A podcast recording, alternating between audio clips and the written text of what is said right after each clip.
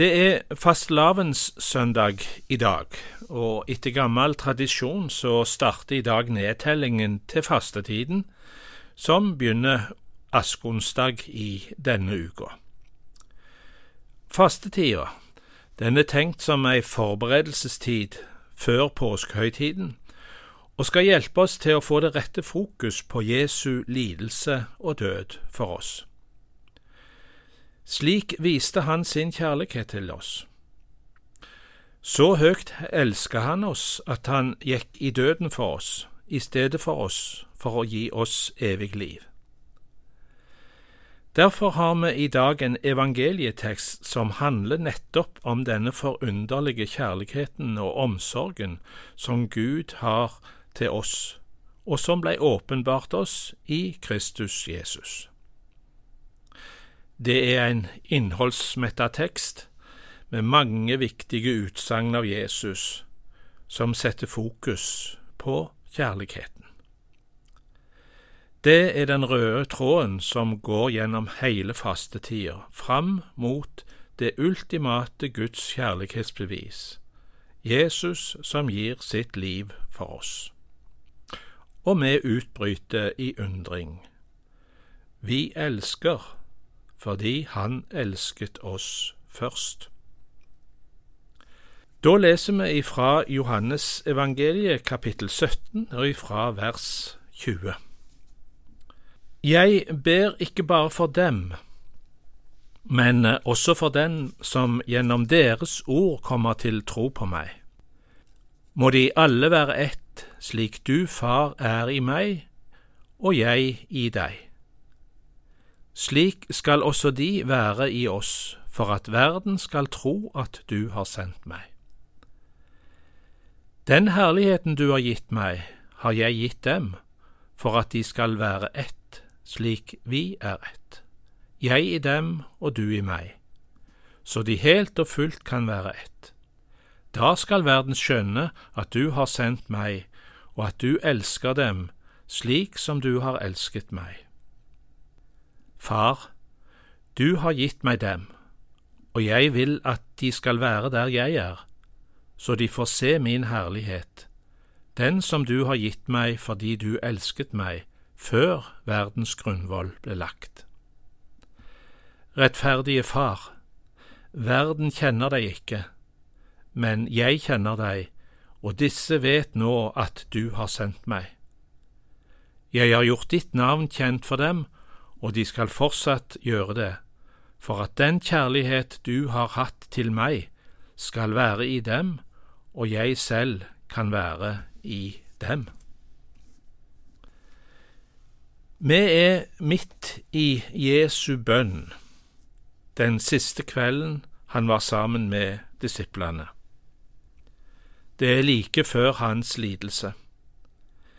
Og denne bønn blir buen som binder sammen hele tida nå før påskefastetida. Den leses i dag ved fastens innledning og avslutter den. Slik følger den oss der vi går sammen med Jesus på lidelsens vei fram til korset.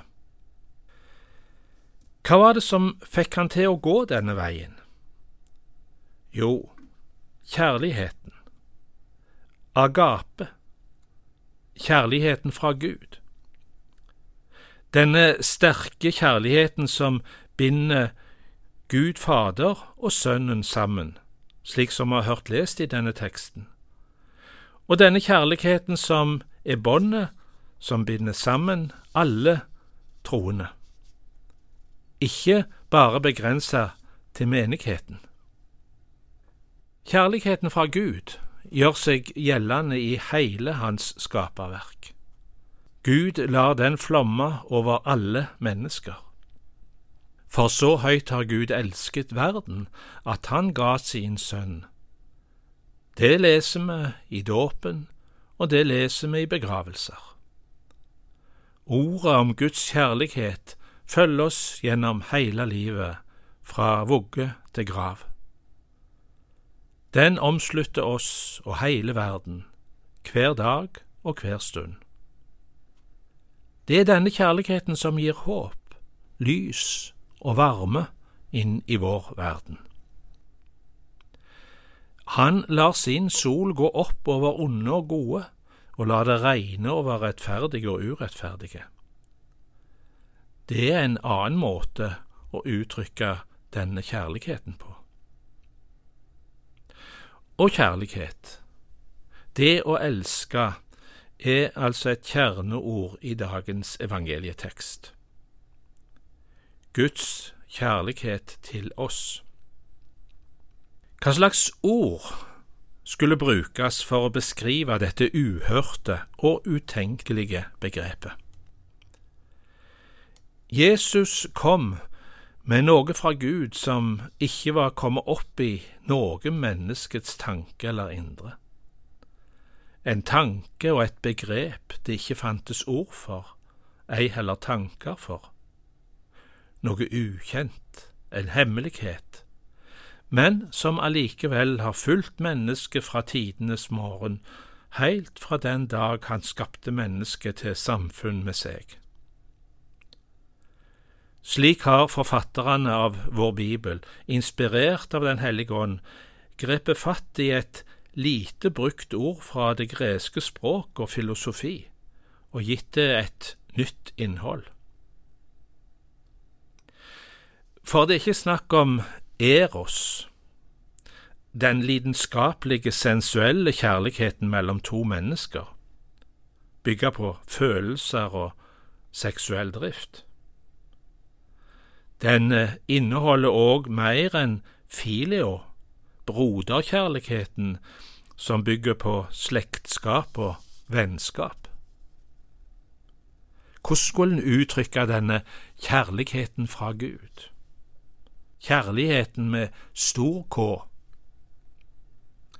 En adopterte ordet agape, et begrep som altså finnes i klassisk gresk lære og filosofi, og som kommer med betydningen av å holde av, høyakte, være trofast mot, respektere og ikke minst ha omsorg for. Da forstår en kanskje bedre hva det er Paulus snakker om i sin hymne til kjærligheten i første Korintiabrev 13, som vi har hørt lest i dag. Det er som å slå opp i ei ordbok for å finne definisjonen på kjærlighet eller agape. Kjærligheten er tålmodig, kjærligheten er velvillig, den misunner ikke, den skryter ikke, er ikke hovmodig, den gjør ikke noe usømmelig, den søker ikke sitt eget, blir ikke oppbrakt og gjemmer ikke på det onde. Den gleder seg ikke over urett, men har sin glede i sannheten. Kjærligheten utholder alt, tror alt, håper alt, tåler alt. Slik er den fullkomne kjærlighet som Gud har til oss, og slik viste Jesus oss hva kjærligheten til vår Gud og vår neste er.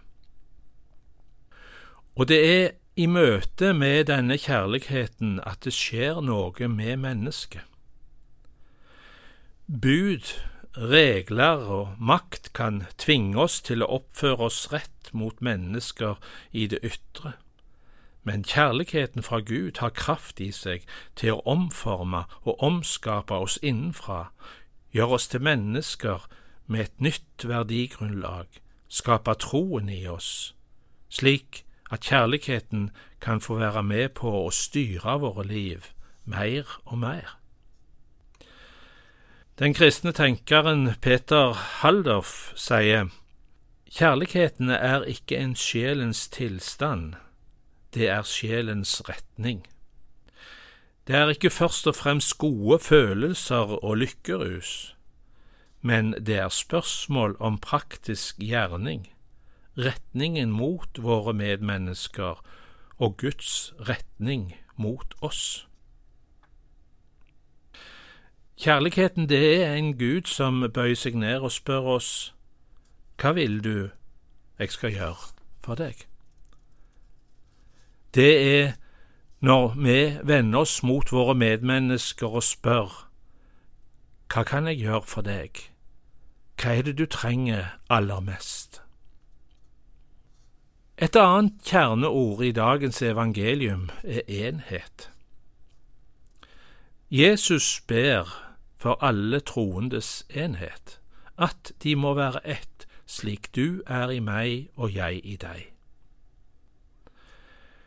Kjærligheten er limet i vårt fellesskap med Gud og med mennesker. Kjærligheten gjør ikke blind, men åpne våre øyne slik at eh, vi ser andre mennesker med et nytt blikk. Vi ser andre som søsken i Guds store familie, der Guds kjærlighet til oss blir det store som vi har felles. Være der jeg er, sier Jesus, i fellesskapet under Guds kjærlighet og omsorg.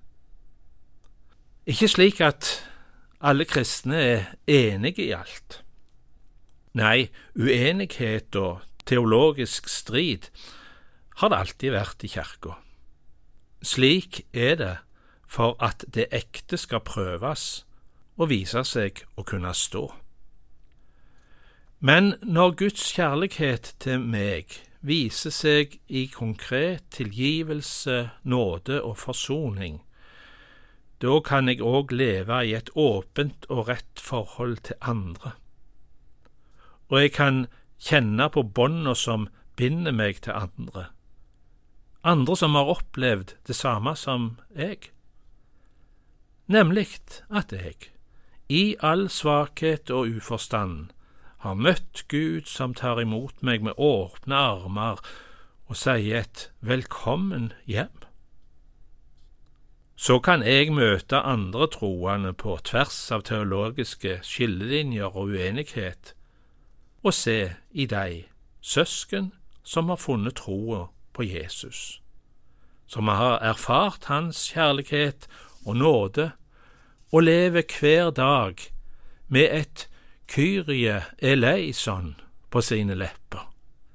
Jesus, du Davids sønn, ha barmhjertighet med meg, og som hver dag blir møtt med den samme kjærlighet, nåde og tilgivelse. De er jeg ett med. Måtte jeg, slik som Paulus uttrykker det, i møte med andre troende si at jeg må bli i stand til å fatte bredden og lengden og høyden og dybden, ja, kjenne hele Kristi kjærlighet, som er mer enn noen kan fatte, og bli fylt av hele Guds fylde. Slik Paulus skriver det i Efeserbrevet kapittel 3.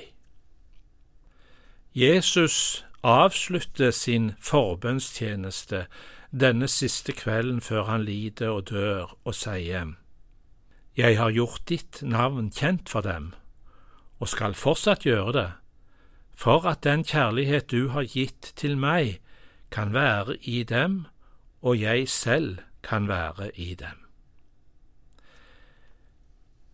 Revolusjonerende ord uhørte ord, utenkelige ord. Ikke rart at de klødde seg i hodet for å finne et dekkende ord. Det blei agape, Guds kjærligheten, som skaper samfunn og enhet med vår Gud og med vår neste. Det som er sjølve fundamentet for vår tro. Vi elsker fordi Han elsket oss først.